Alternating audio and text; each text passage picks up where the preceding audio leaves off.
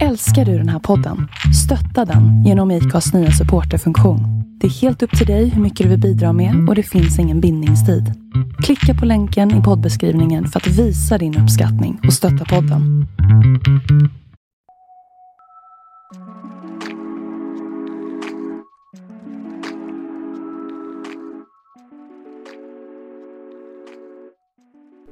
Idag har vi med oss en gäst i podden. Hon heter Sora Yassin och hon är en av två personer som driver Instagramkontot Juridikmagasinet med över 23 000 följare. Precis som vi på Folkets Domstol så lägger Juridikmagasinet upp inlägg med kortfattade förklaringar av juridiska frågor. Då det kan vara allt från nya lagar till aktuella rättsfall och så vidare. Men istället för att jag ska presentera dig, är det inte bättre att du tar micken själv Sora? Vem är du om vi börjar där? Eh, ja, Eh, jag heter precis som du eh, sa Jumi, Sora Yassin. Och eh, jag är 23 år och läser juristprogrammet vid Uppsala universitet. Idag läser jag termin 7 och eh, jag hoppas på att få ta min examen till sommaren 2022. Så det var lite kort om mig. Ja, vad läser ni för någonting just nu? Eh, Jag läste faktiskt precis eh, en kurs på 15 poäng som heter Våld i nära relationer. Eh, Och den tog precis slut, så nu läser jag tyvärr rättshistoria och allmän rättslära. Inte lika kul. Det är många som inte tycker att den är så rolig. Vad tyckte du om den Viktor? Jag minns inte ens. Nej, det ser du. Så Vi är för gamla. Ja. Eh, Jag vet att eh, i Uppsala så läser ni den eh, senare. Är det samma sak som i Örebro där vi studerade? Att vi, man, man har de sista tre terminerna där man får välja själv lite mer? Precis, de sista tre terminerna får man välja och man måste välja 15 poängaren, ROAN, som man förkortar den, rättshistoria, allmän rättslära. Så det är lite trist. Jag hade mycket hellre läst Ja. något annat. Vad hade du läst helst? Eh, Jag skulle faktiskt ha läst eh, migrationsrätt då, som går nu samtidigt som den här kursen. Okej. Men det finns ingen möjlighet för er att eh, läsa den sen eller? Eh, nej, för den går bara under höstterminen. Eh, och jag har ju utnyttjat mina 15 poäng genom att läsa våld i nära relationer. Så nästa termin måste jag läsa 30 poäng. Och vad ska du läsa då? Det blir sista, sista terminen då? Precis, det blir min sista termin. Eh, jag ska läsa socialrätt och så ska jag skriva mitt eh, examensarbete samtidigt. För eh, jag vill inte vänta till 2023 utan jag vill ha min Nej. examen nu helst. Ja. Du gasar på. Precis. Vad är planen efter examen då? Finns det någon anledning till att du, att du kämpar på snabbare och försöker göra klart så snabbt som möjligt? Ja, alltså planen är väl att komma ut i arbetslivet. Jag vill jobba som jurist eh, när jag har tagit min examen. Eh, jag vet inte riktigt vart jag kommer hamna, än i alla fall. Men eh, jag vill jobba med familjerätt. Eh, jag tycker barnrätt är väldigt intressant. Så eh, jag vill bara ta min examen och komma ut helt enkelt. Vad, vad var det som fick dig att börja plugga på juristprogrammet? Eh, ja, eh, tanken först var att jag skulle läsa natur eh, och bli läkare. Men eh, jag ville bara läsa natur på eh, ett visst gymnasium, kom inte in där eh, och då läste jag SAM. Eh, och då blev det, jag fick höra av jättemånga, du skulle passa som jurist, du argumenterar som en jurist. Och då blev det juristprogrammet för mig. Okej. Vad, vad var det för gymnasium? Eh, jag gick på Rosendals gymnasium i Uppsala. Är du uppvuxen i, i Uppsala? Precis, jag har bott där eh, sedan jag var åtta och eh, till idag så bor jag där. Okej, var bodde du innan? Jag bodde i Irak faktiskt. Det är där jag kommer ifrån. Så jag kom till Sverige när jag var åtta och har alltid bott i Uppsala då. Okej. Härligt. Vad, vad tycker du om Uppsala som stad? Jag, har- jag har lite... Jag har ju varit där en del nu den senaste tiden. Jag tycker att det är väldigt eh, kul. Det är en fin stad, men eh, det börjar bli lite tråkigt för mig i och med att jag är uppvuxen där och alltid har varit där. Men eh, det är ändå en mysig stad tycker jag. Det är en otroligt bra studentstad. Så eh, ja, det skulle rekommendera att man besöker den oftare. Ja, ja, oftare än på, vad heter det? Eh, Valborg brukar vi vara där. Ja, den är mycket finare än vad den är under valborg kan jag säga. Så besök den helst under en annan tid. Ja, det där är som alla i Visby som säger vet, att man, man ska aldrig besöka Visby på sommaren när det kommer massa stockholmare och sådär. Då förstör man, förstör man eh, stan. Ja, men lite så. Det blir väl lite människor överallt, skräp överallt, eh, man stänger halva vägarna. Det är väl också typ stängt överallt för det är typ röda dagar. Så man får inte se så mycket av staden. Nej, okej. Eh, vad, eh, vad är målet med eh, Juridikmagasinet som du, eh, som du har startat? Och vad, du är inte ensam bakom, bakom det kontot. När började ni? Nej, precis. Jag driver ju det tillsammans med Edmond. Och vi började 2000, sommaren 2019 började vi med det. Eh, och målet är väl precis så som målet med er podd är. Det är väl att tillgängliggöra juridiken för allmänheten. Eh, för det är ju inte så lätt för alla att alltid hitta kanske vad man har rätt till eller eh, vad någonting betyder inom juridiken. Exakt. Vad, är, om du skulle säga att eran, vad ska man säga, nisch vad, vad, vad, ligger den i? Alltså, jag vet inte vad man ska säga att våra nischer men, men vi har ju försökt att, att använda Instagram-kontot för att kunna göra små korta egentligen förklaringar av olika juridiska frågor som är antingen aktuella eller som vi kanske kommer ta upp i podden eller som vi tycker är, tycker är intressanta. Men har, har ni någon speciell nisch när ni kommer till vilka, vilka ämnen ni väljer? Jag skulle säga kanske inte direkt, för eh, vi brukar utgå mest från vad våra följare ställer för frågor. För vi mm. sysslar ju lite med eh, kostnadsfri juridisk rådgivning också. Eh, okay. Och vi brukar tänka lite på vad vi får för frågor och då utgår vi lite från det. Ibland är det mm. väldigt mycket exempelvis köprätt, att många kanske, det kanske är en period då många handlar, har hamnat i problem och så. Eh, andra gånger så kan det vara några som skriver Eh, och frågar om de till exempel måste vittna eller om de måste närvara på en rättegång, eh, om de har blivit kallade och liknande. Eh, så vi försöker utgå väldigt mycket från vad våra följare vill läsa, vad de undrar eh, och har det som utgångspunkt när vi gör våra inlägg. Och vad är det för, eh, du sa att ni gör eh, någon form av kostnadsfri råd, juridisk rådgivning. Vad, är det något projekt som ni kör själva ni två eller vad, vad, vad är det? Och startade ni det tillsammans med Instagramkontot eller? Eh, precis, vi tänkte som en ideell förening. Typ så mm. jobbar vi. Men vi är inte mm. registrerade som en ideell förening. Eh, så det vi gör är att vi tar emot frågor på eh, direktmeddelanden på Instagram. Mm. Eh, och där går vi in och hjälper människor. Vi kan svara på frågor, hjälpa dem skriva överklaganden, fylla i papper, förstå myndighetsbeslut som de har fått och liknande. Mm. Det är superbra ju. Vi kommer ju länka till ert eh, Instagramkonto från, från vår Instagram i, eh, när vi marknadsför det här avsnittet såklart. Så att där kan man gå in och, och länka vidare. Annars är det ju bara att söka på Juridikmagasinet så borde man ju borde man ju hitta er ganska enkelt. Jo, men det tror jag. Men berätta om eh, din kollega. Du sa Edmond. Vem är det? Ja, eh, det är Edmond Torossian, även känd som Juridikfakta på TikTok och på Instagram. Mm. Vi startade det, som sagt 2019 startade vi kontot. Han läser termin 8 nu, så han har bara examensarbetet kvar. Eh, okay, sen är han klar Uppsala. jurist. Ja, precis. Han läser också mm. i Uppsala. Eh, ja, det var faktiskt hans idé först. Det var han som var väldigt driven och ville ha det här kontot. Eh, mm. Och vi, ja, vi startade det. Eh, började med inlägg det var inte lätt i början. Det är inte lätt att hitta program och så. Men eh, mm. sen när vi fick igång det så blev det faktiskt väldigt kul. Speciellt när man började få frågor på DM och kände att man gjorde skillnad eh, mm. och hjälpte folk. Vad var det som fick er över det här? Du sa att det var svårt i början. Vad var det som fick er över tröskeln? Jag skulle säga Edmonds driv. Han mm. la ner väldigt mycket tid på det och väldigt mycket energi faktiskt.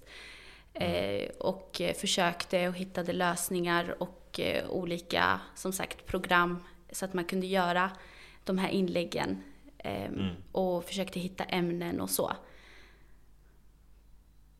Och hur kommer det sig att det blev ni två som, som drev det här tillsammans? Eh, vi har faktiskt känt varandra sen eh, vi gick i gymnasiet. Vi gick i samma gymnasieklass. Eh, mm. Och vi har varit ett par ett tag. Så okay. Det kändes bara självklart att göra det tillsammans. Ja, vad roligt. Då är det ett, så här, ett couples project typ. Ja, lite så. Ja, ja vad roligt. Det är imponerande att kunna jobba med sin partner på det sättet. Det är inte alltid enkelt. Ja, det hade inte du klarat Viktor, eller? Måste jag svara på det? Nej, vad heter det? Du plead, plead the fifth, eller vad heter det i, i engelsk, amerikansk rätt? Ingen kommentar.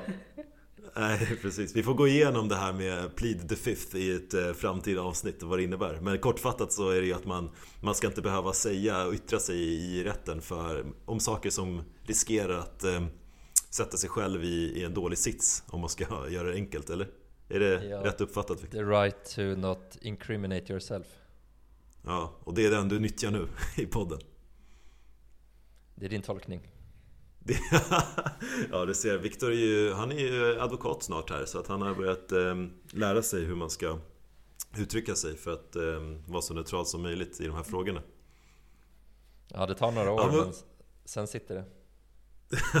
ja. Okej, okay, jätteroligt att få höra lite historien bakom Juridikmagasinet och även, eh, även din historia. Eh, men eh, när, när vi frågade dig här om du ville medverka i dagens avsnitt så var det för att jag och Viktor kände att det, det börjar bli dags att ta upp det här ämnet som faktiskt är grunden till att Folkets Domstol ens, ens existerar.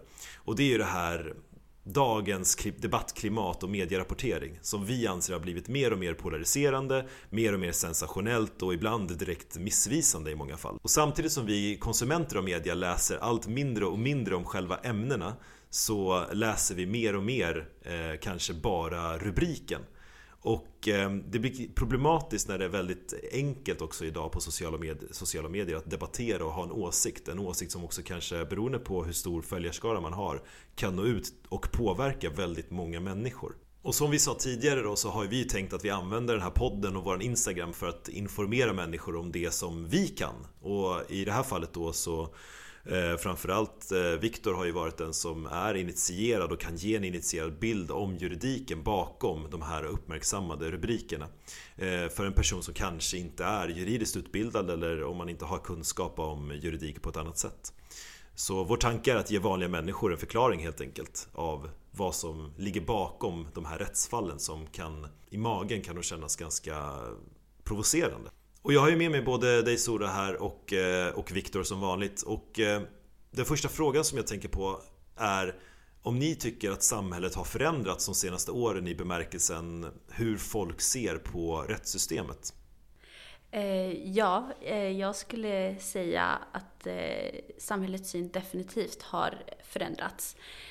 Och tyvärr så tycker jag att den har förändrats mot det negativa hållet. Jag tror att väldigt många ser på vårt rättssystem idag som kanske inte är lika rättssäkert som förr.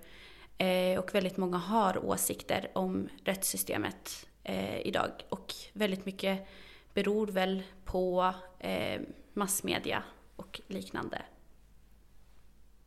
Tror du att det har förändrats, alltså själva rapporteringen senare år eller, eller tror du att det är bara, eller vad, vad är din analys?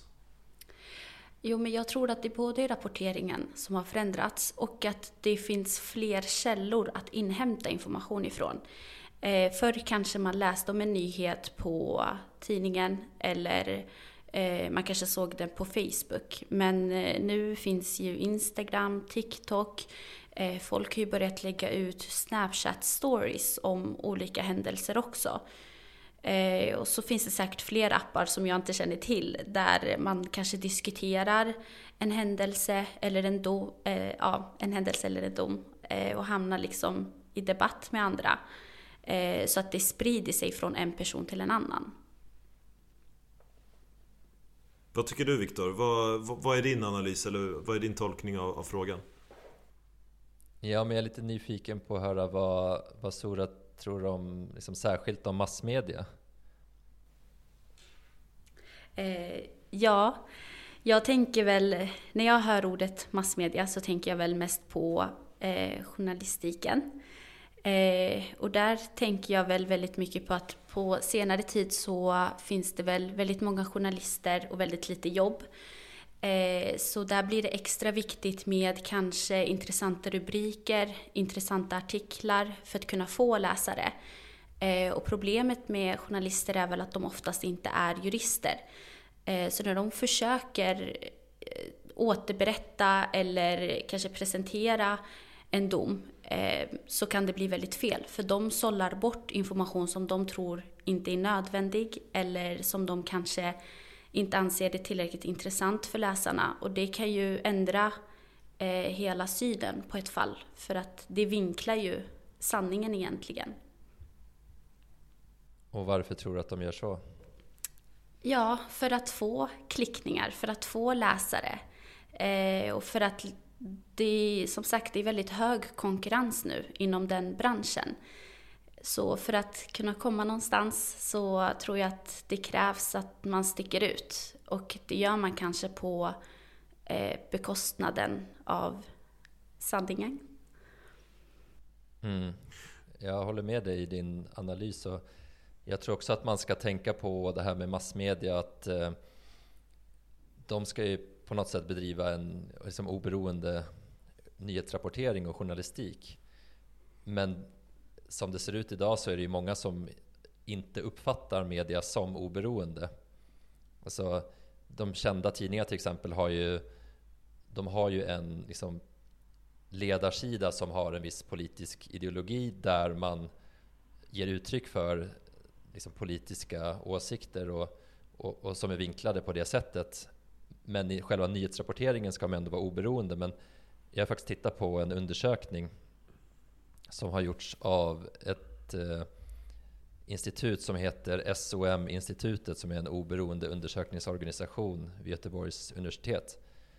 Och där är det ganska intressanta siffror som visar på att väldigt många människor inte ser media som oberoende.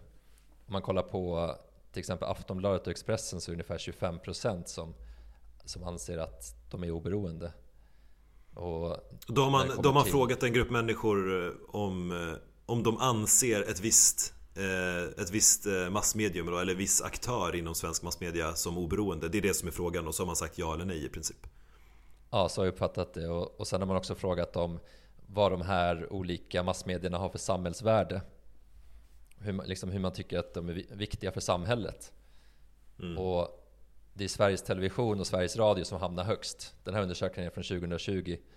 Och de som hamnar lägst här är Aftonbladet och Expressen och sen har vi i mitten har vi TV4 och Dagens Nyheter och sådär. Så det tycker jag ändå är ganska intressant att det är så få då som har förtroende för att det här är oberoende men ändå så använder man sig av de här artiklarna i många fall.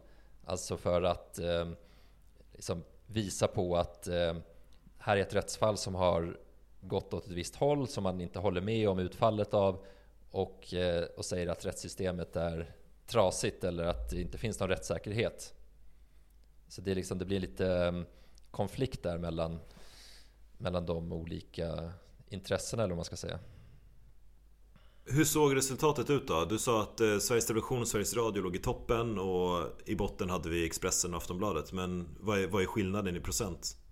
Sveriges Television så var det 68% som ansåg att tjänsten var oberoende och det var 82% som ansåg att eh, det hade ett stort samhällsvärde.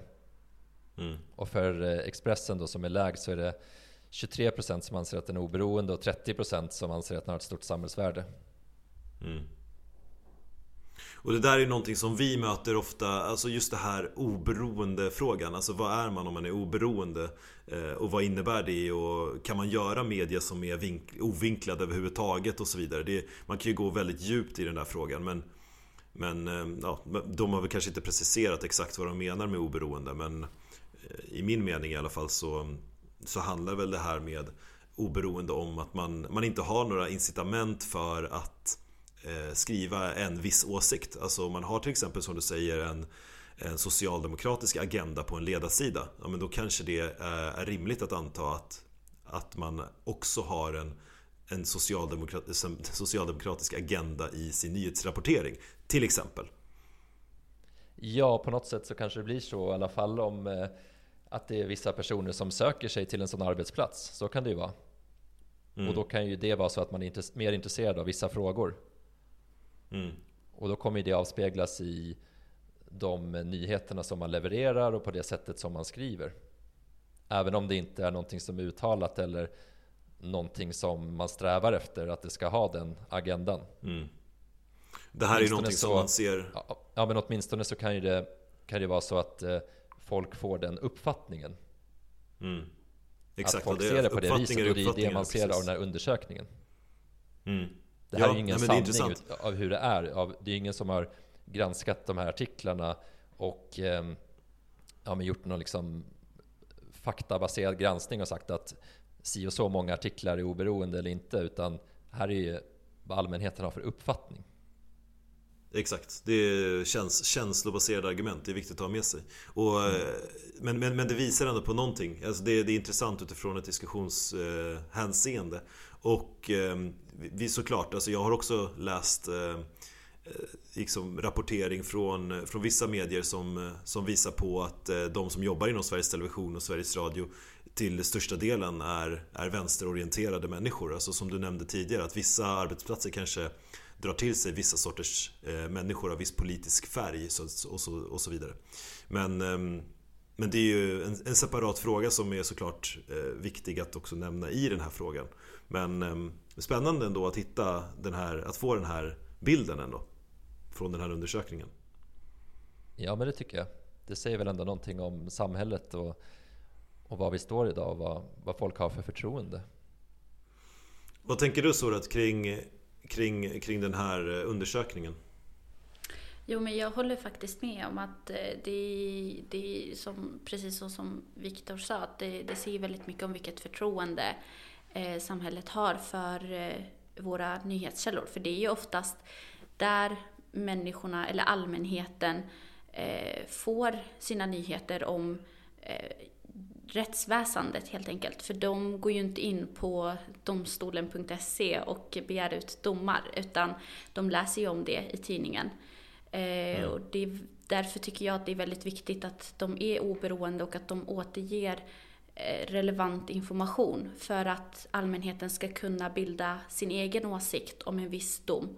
Eh, mm. Men som du också sa Jimmy, det blir väl väldigt svårt eh, att kunna ha en nyhetskälla som är helt oberoende och helt neutral. Ja, och jag tror också att um, det här kan leda till att folk vänder sig till andra källor. Alltså som du är inne på, att man, man vänder sig inte direkt till källan, vilket är själva domen. Mm. Men man kanske vänder sig till någon annan som man har mer förtroende för, som rapporterar om det här. Och det kan ju vara både bra och dåligt.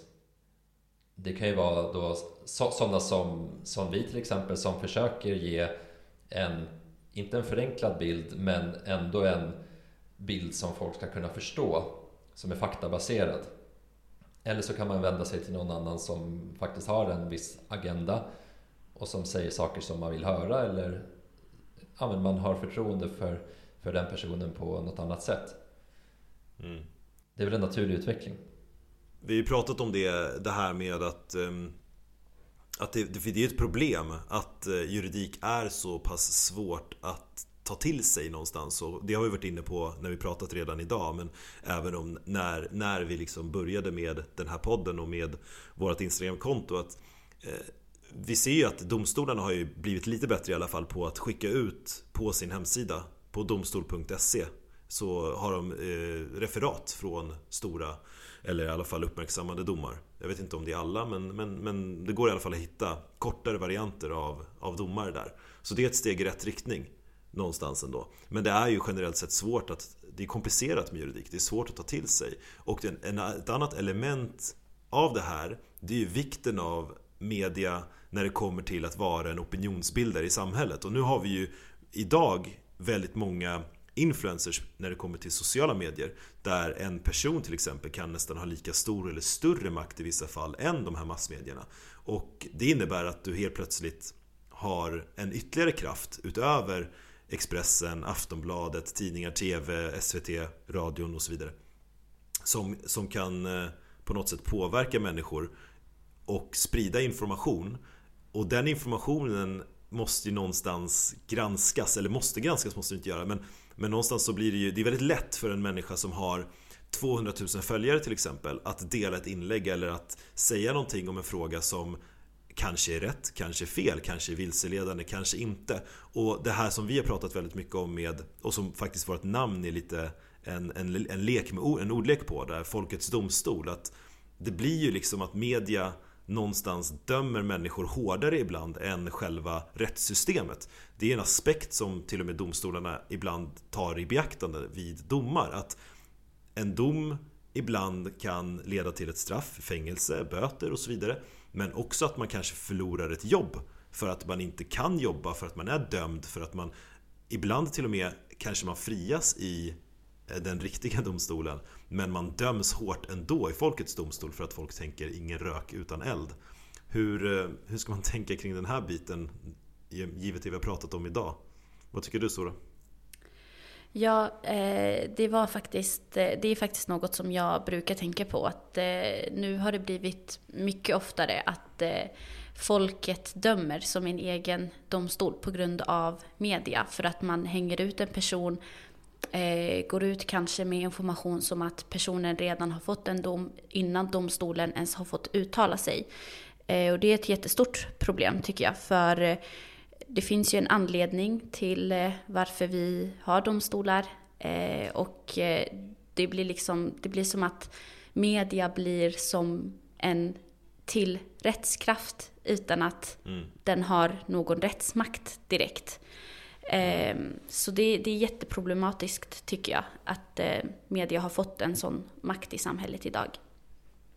Är det någonting mm. som ni tänker på i på ert Instagramkonto till exempel När ni tar upp, om ni tar upp så Alltså rättsfall som är känsliga eller liknande Absolut. Eh, vi brukar ju oftast också lägga ut nyheter på story.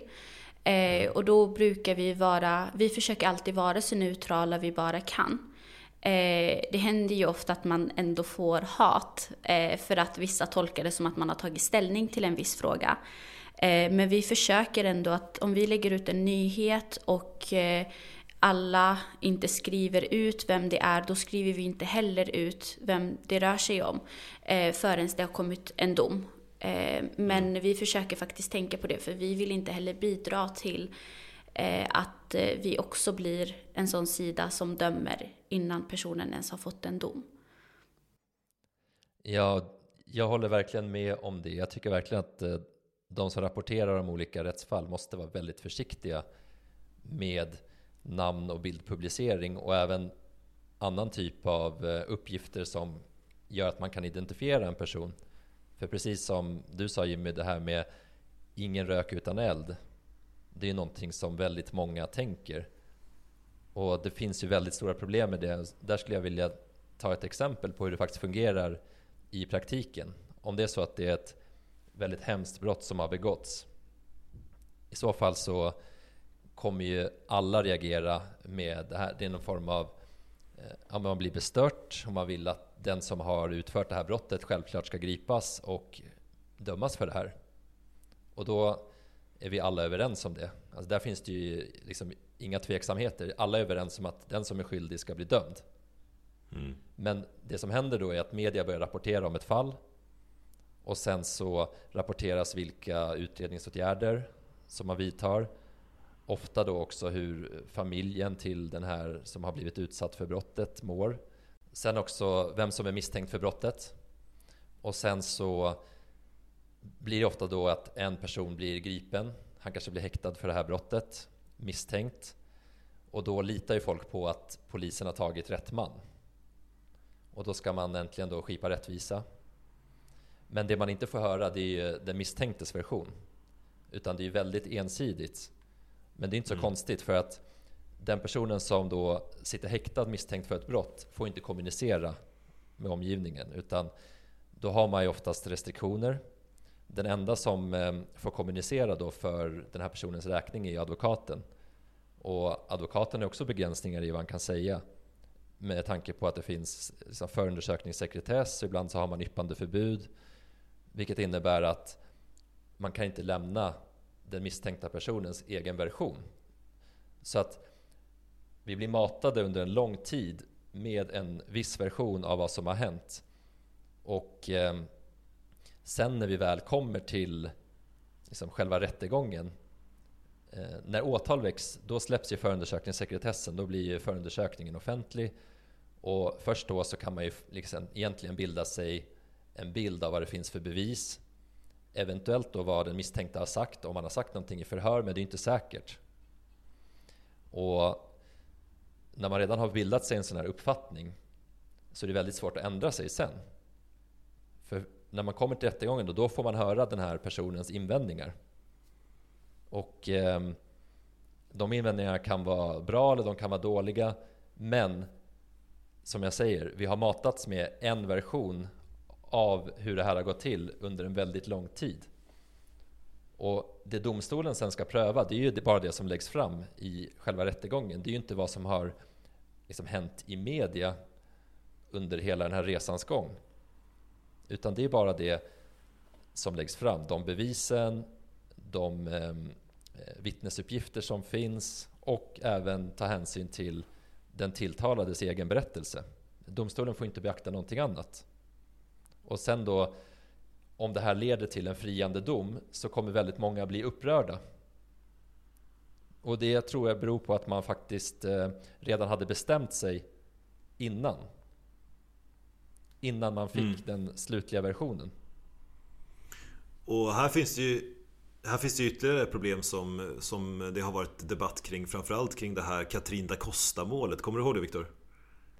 Ja, det kommer jag ihåg. Eh, inte för att jag eh, levde när det det tror jag inte. Jag tror att det är så pass gammalt. Åtminstone var jag väldigt liten. Men vi har ju läst om det. På har, du, har du hört om det Sora?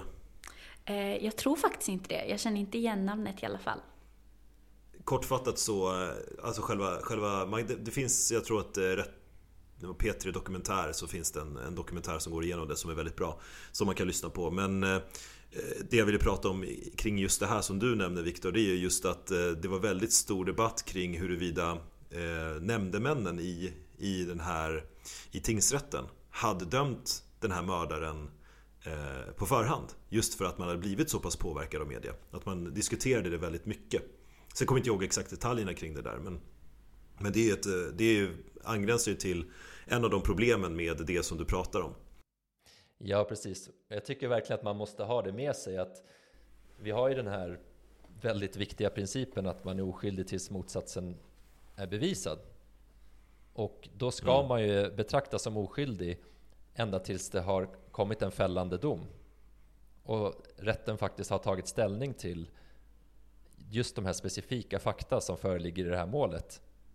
Mm. Så det är ändå så att eh, man, man kan ju ha liksom någon sorts naiv förhoppning om att man ska få veta sanningen. Men det är ju väldigt sällan vi faktiskt får veta hela sanningen. Alltså, mm. det vi får veta är ju vad domstolen har tagit ställning till och hur de har hur de har betraktat det som har lagts fram. Och så på så sätt så anser jag också att det är ganska förvånande att många kan tro sig känna till hela sanningen efter att ha läst kanske en tidningsartikel eller bara en rubrik. Mm. Eller ens ett, eh, en, en dom, alltså det är ju återigen alltså Man kan ju inte veta förrän man var där. Och det går ju inte heller att dra det så långt hela tiden utan En rättsprocess är ju till för att i bästa fall eller på bästa sätt som vi, vi, ha, vi har möjlighet att göra komma så nära sanningen som möjligt. Och det här har vi varit inne på många gånger tidigare. Men eh, jag tror att det är viktigt att vara ödmjuk inför det faktumet att man kan inte veta sanningen till 100% eh, och, Nej, och... Men, men, men man kan ändå försöka att komma så nära som. Och, och sen så ska man också veta att det är oerhört mycket som pågår i en rättegång som allmänheten aldrig får kännedom om. Alltså, mm. det är inte så att man ordagrant redogör för exakt vad som har hänt under en rättegång ens i en dom. En dom är på något sätt en sammanfattning av det som har lagts fram, hur domstolen har sett på mm. olika bevis och, och, hur de har kommit fram till um, ja, men, olika saker, varför de har dömt som de har gjort. Men det finns ju viktiga liksom, saker att um, ta hänsyn till i varje litet bevis, i, i varje litet förhör. Mm. Som man aldrig kommer få kännedom om om man inte har varit på själva rättegången. Så därför tycker jag också att ödmjuk är ett bra ord att använda när man ska tänka på det här och liksom ha någon form av eh, förståelse för att man vet inte allt. Men det är Mm. också därför jag tycker att eh, det är väldigt problematiskt när icke-jurister ska eh, återge en eh, viss dom. För eh, det är redan så att man har redan plockat upp det viktigaste i en dom och försökt få in det i domskälen. Så sen när en icke-jurist ska komma och eh, försöka välja ut det som den tror är relevant så tror jag att det blir väldigt problematiskt sen när man återger storyn. Den blir väldigt vinklad tycker jag. Eh, och det är det som händer i media idag. Ja, det är en jättebra poäng tycker jag. Att det verkligen är så att eh, det inte är en helhetsbild som levereras. Utan man har valt ut någonting som man tycker är intressant eller spännande eller som man tror ens läsare kommer reagera på. Och då är det självklart att de som läser det sen får en felaktig bild av det hela om det inte återges korrekt. Mm. Vi ska ju säga det och vi ska också vara ödmjuka inför det att det finns ju väldigt många journalister som också är väldigt duktiga och ibland också utbildade jurister på ett eller annat sätt som, som är väldigt bra på att återge just juridiska fall. Jag vet att Oisin Cantwell är en person som jag tycker personligen är väldigt bra på att göra det och göra det också förståeligt för eh, vanliga människor att begripa eh, ganska komplicerade rättsfall. Eh, han kan göra det på också ett ganska stilistiskt sätt. Men, eh, men generellt sett så är det ju ett, ett stort problem såklart. Där håller jag verkligen med er. Och Sora, du nämnde tidigare att ni hade fått eh, lite hat från eh, ibland på juridikmagasinet. eh, när ni hade lagt upp vissa, visst innehåll. Har du något exempel som, som har genererat någon form av hat som, som du kan ta upp? Ja, ibland så försöker vi att om vi hittar ett jätteintressant fall, eh, men vi kanske inte vill gå ut med eh, exakt vem det är som har gjort det, då kan vi göra om fallet till ett scenario istället. Eh, och då försöker vi eh, använda fiktiva namn. Eh, och eh, då kan väldigt många bli upprörda över valet av namn. Ehm, För att, eh, ja, ibland så kanske folk blir upprörda över att eh, namnet har kanske utländsk bakgrund. Eh, och då menar de att vi menar att det bara är utlänningar som begår brott och sen när vi byter till svenska namn då är det bara svenskar som begår brott. Eh, Man kan så aldrig göra alla liksom- nöjda va? Nej, precis. Så det är så här, vi försöker undvika ett problem genom att inte återge hela domen, utan vi återger det som scenario kanske och ger svar på varför man har dömt på ett visst sätt, men det blir inte heller bra. Så det är liksom, man kan inte göra alla nöjda, men jag tycker ändå att både vi och ni gör ett jätteviktigt jobb för att det är ju, jag tror att med hjälp av vår Instagram och er podd så tror jag att väldigt många kanske får upp ögonen, får upp nya, en ny bild av eh, juridiken. Eh, som jag tror att det är väldigt viktigt eh, med, speciellt nu när det är så mycket eh, som cirkulerar, om man nu kan säga så. Ja. Brukar ni tänka på något specifikt sätt? Alltså, har ni någon, någon eh, linje som ni håller kring vilka namn ni väljer när ni fingerar namnen? Alltså, eh, oftast de här scenarierna som brukar vara med, som har med brottmål att göra, då är det oftast eh, Edmond som brukar sköta det. Och då har han valt ut tre namn på tre av hans vänner som han alltid brukar Okej, ja. använda sig av. Han Eh, hänger ut polarna? Precis, det, det är lite så. Först började det lite som ett skämt, men eh, sen så blev det bara, ah, nu har vi använt de här namnen, kan vara bra att fortsätta med dem. Eh, Så vi brukar liksom bara försöka variera. Om, eh, vi, han brukar använda sig jättemycket av namnet Daniel och jag tror Ahmed brukar han använda sig av. Så om Daniel begår brottet idag så är han nog brottsoffret imorgon. Så det är Ja, fattar. lite så. Men det är lite random. Det låter Precis. lite som eh, Viktor när, när du jobbade som eh, extra lärare på, på ett gymnasium här i Örebro. Då brukade jag fungera ganska mycket, eller figurera, i, eh, i ett par av dina, dina tentor. Ja, så var det faktiskt. Jag använde också mina kompisars namn som exempel i de här frågorna. Och ni framstod ju inte som några genier direkt.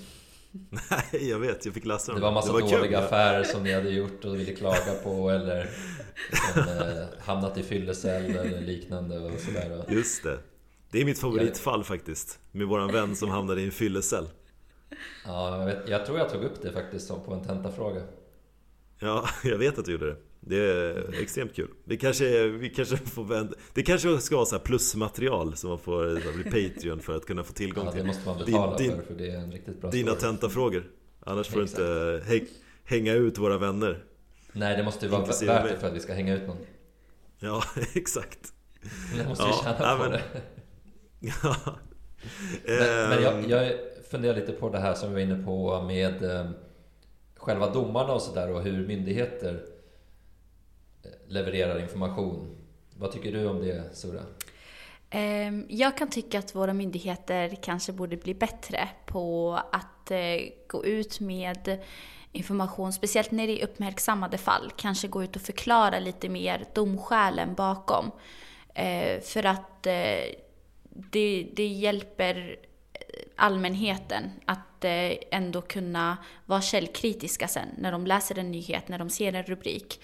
Eh, och det har de inte alltid varit så bra på. Men eh, som Jimmy sa tidigare så har de ju blivit bättre på det på senare tid genom att exempelvis lägga ut referat på hemsidan men även, jag tror att det var kasinomålet eh, som eh, domarna gick ut och eh, besvarade frågor och så och klargjorde eh, vissa frågetecken som kvarstod efter rättegången. Eh, och det är ett jättebra exempel på vad de kan göra mer av. Kanske i uppmärksammade fall svara på frågor, förklara för allmänheten lite. Mm. Nej men det håller jag med om att eh, det har blivit mycket bättre. Eller i alla fall det har blivit bättre att de lägger ut pressmeddelanden och håller presskonferenser när det kommer till uppmärksammade mål och så. Samtidigt så är de kanske lite begränsade på ett sätt. De kan ju förklara då vad det här betyder, det som de har kommit fram till. Samtidigt så kan de ju inte komma med några andra förklaringar än det som faktiskt står i domen utan det som de har kommit fram till och det som de har beaktat, det ska ju framgå av domen. Men det de kan göra är att liksom förklara egentligen vad det betyder och sådär. Och eh, det tycker jag är väldigt bra och väldigt viktigt ur ett demokratiskt perspektiv så att fler människor faktiskt kan gå direkt till källan istället för att få någon form av omskrivning eller någon annan typ av vinkling och så. Men jag tror inte att, att de liksom lyckas nå ut. Nej, Det det, är det. håller jag med dig om. Jag, jag tycker att det fortfarande finns väldigt mycket brister. Eh, och jag tror väldigt mycket beror på att de kanske lägger ut på internet och hur många söker på domstolen.se och försöker hitta information där. Ehm, det, det de ska göra det är kanske att bli lite bättre, typ som Polismyndigheten.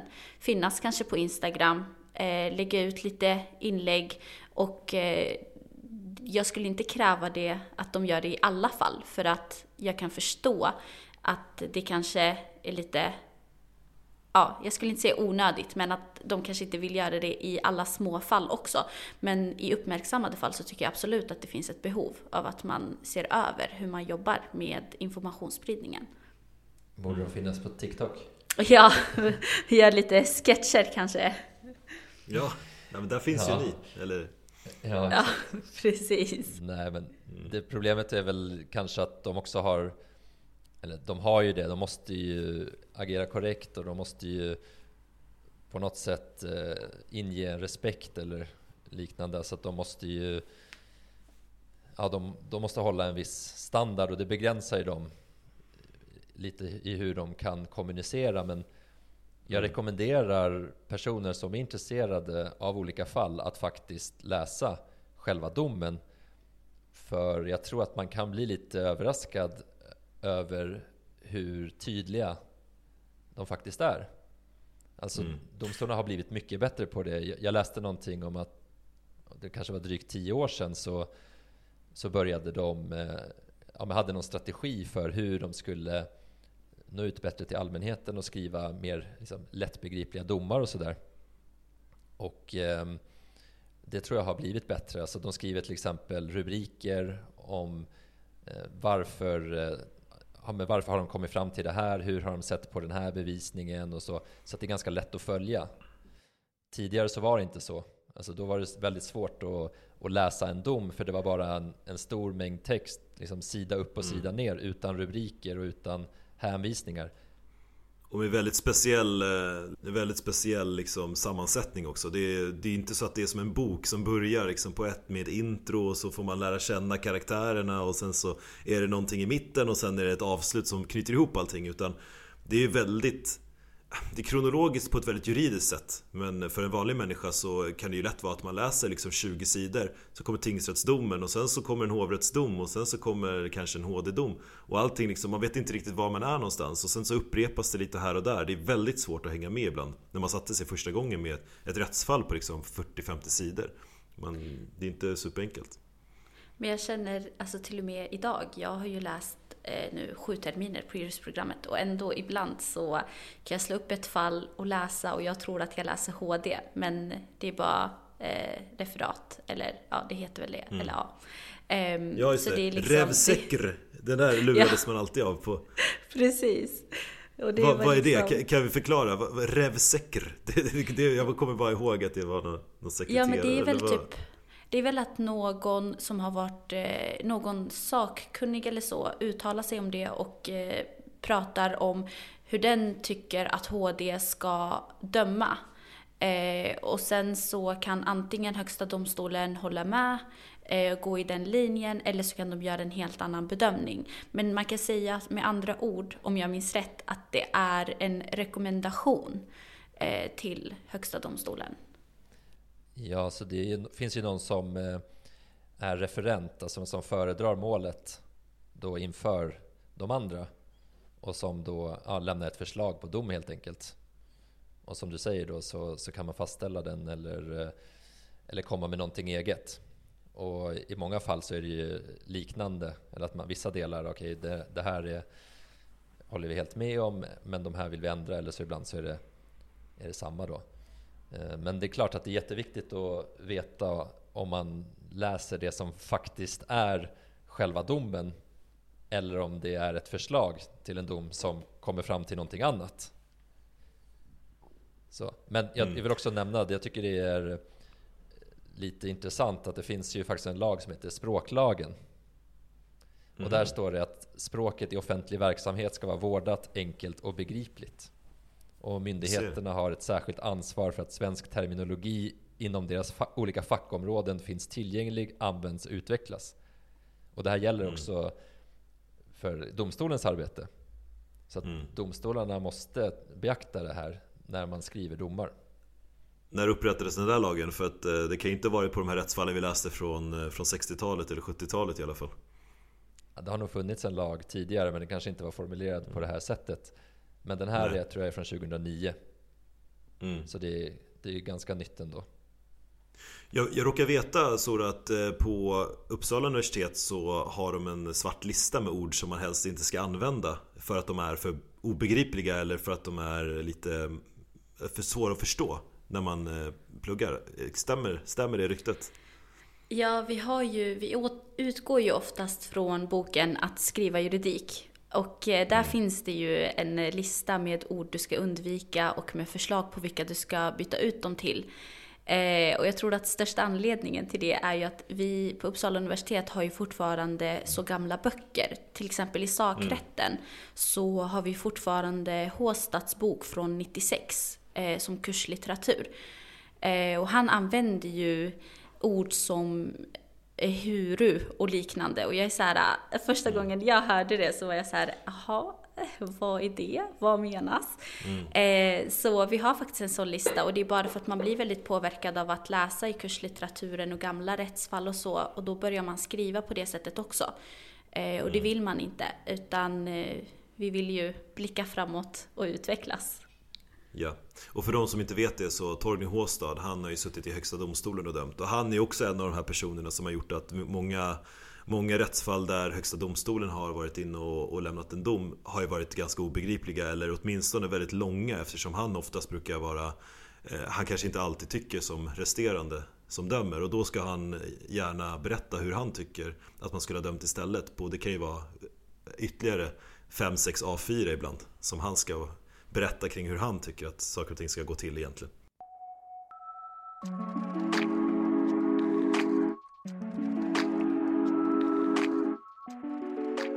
Ett litet fun fact om Torgny Håstad det är också att han är släkt med eh, Yang Lin, den svenska rapparen som har egentligen varit ganska eh, framträdande i hela kategorin som kallas cloud rap. Det här lärde jag mig för ungefär två år sedan.